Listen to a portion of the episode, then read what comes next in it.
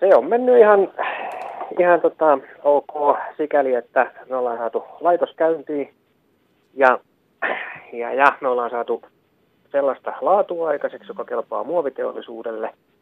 Ja kaiken lisäksi niin ihmiset koko aika pikkuhiljaa enemmän kierrättää tavaraa ja, ja, ja tekee sen myöskin pääsääntöisesti ihan oikein. Fabriksavdelningen, där plasten bearbetas, har varit igång sedan sommaren 2016.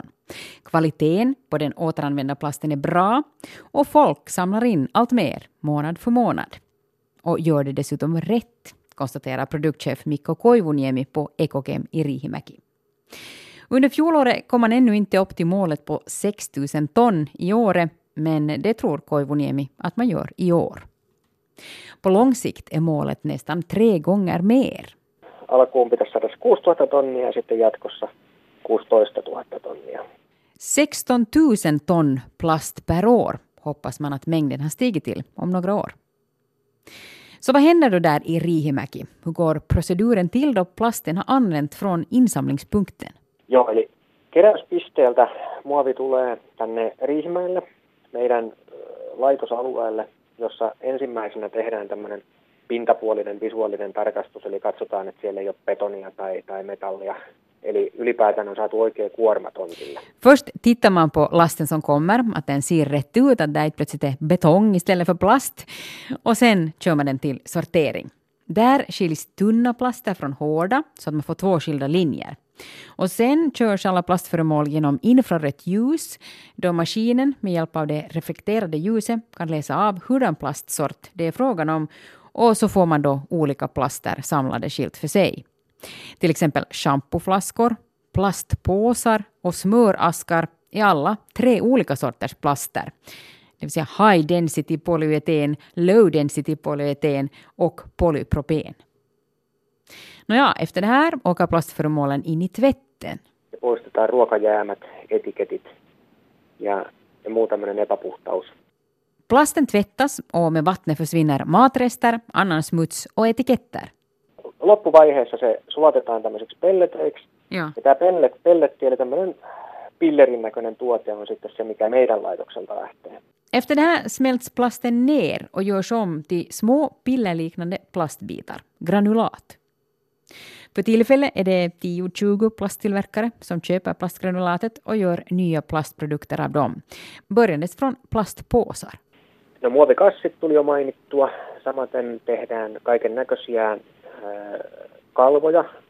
Sitten tehdään putkia, rumpuputkia. Sitten tehdään esimerkiksi kastelukannuja, eli puhallusmuovattuja tuotteita. Ja sitten iso tuoteryhmä on tämmöiset ruiskuvaletut pienosat ja, ja myöskin kotitaloustavarat. Et saaveja, vateja, ihan käyttöesineitä valmistetaan ja sitten myöskin rakennusteollisuuden tarvikkeita. Den återanvända plasten blir nya bruksföremål som ämbar, tvättfat och vattenkannor. Men också saker för byggbranschen, liksom plaströr och plasthinnor. Det finns hundratals plasttillverkare i Finland, så potentiellt är marknaden stor, konstaterar produktchef Mikko Koivuniemi.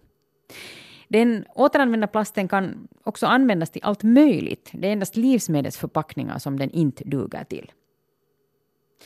Det finns åtminstone två fördelar med återanvänd plast. No kyllä siinä on sanotaanko 25 prosenttia on hintakilpailuhyötyä. Okei. Okay. Ja ennen kaikkea sitten niin me saadaan pysymään tämä raaka-aine kotimaasta. Ja sillä on iso kansantaloudellinen merkitys, että yleensä muoviraaka-aineet on tuontitavaraa. Mm. Ja, ja siinä mielessä niin aina kun vältetään tuontia, niin pärjätään paremmin. Den återanvända plasten är 25 procent billigare än så kallad ny jungfrulig plast.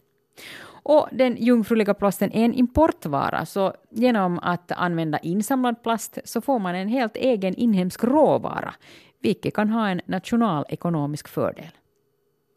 Nu gäller det bara för oss finländare att sortera mer och mer så att volymen på den återanvända plasten ökar. Nyt me eh, koitetaan saada ihmiset kierrättää muovia entistä enemmän ja, ja, ja sitä mukaan kun se, ne volyymit kasvaa, niin mekin lisätään täällä tuotantoa ja, ja, ja mä uskon, että, että kun mennään tästä vielä viisi vuotta eteenpäin, niin meillä on ihan merkittävää kierrätysmuovien hyödyntämistä ja, ja kauppaa täällä Suomen maassa. Om fem år har vi säkert i Finland en riktigt betydande återanvändning av plast och en bra handel med den, tror produktchef Mikko Koivuniemi på Ekokem. På sikt kan det här öka den inhemska plastindustrins konkurrenskraft. No se parantaa suomalaisen muoviteollisuuden kilpailukykyä. Ja mm. lisäksi kun meillä on sitten järkevä ratkaisu näille muovipakkauksille, niin uskon, että se myöskin vaikuttaa siihen, että niin, ö, ihmisten varomattomuus tämän roskaamisen kanssa, niin se saadaan kuriin ja, ja, ja voidaan osoittaa, osoittaa kaikille muovipakkauksille oikea paikka, mihin se kuuluu laittaa käytön mm. jälkeen. Och kanske också nedskräpningen minskar då folk lär sig att också plastförpackningarna har sin egen plats efter användningen, funderar Mikko Koivuniemi.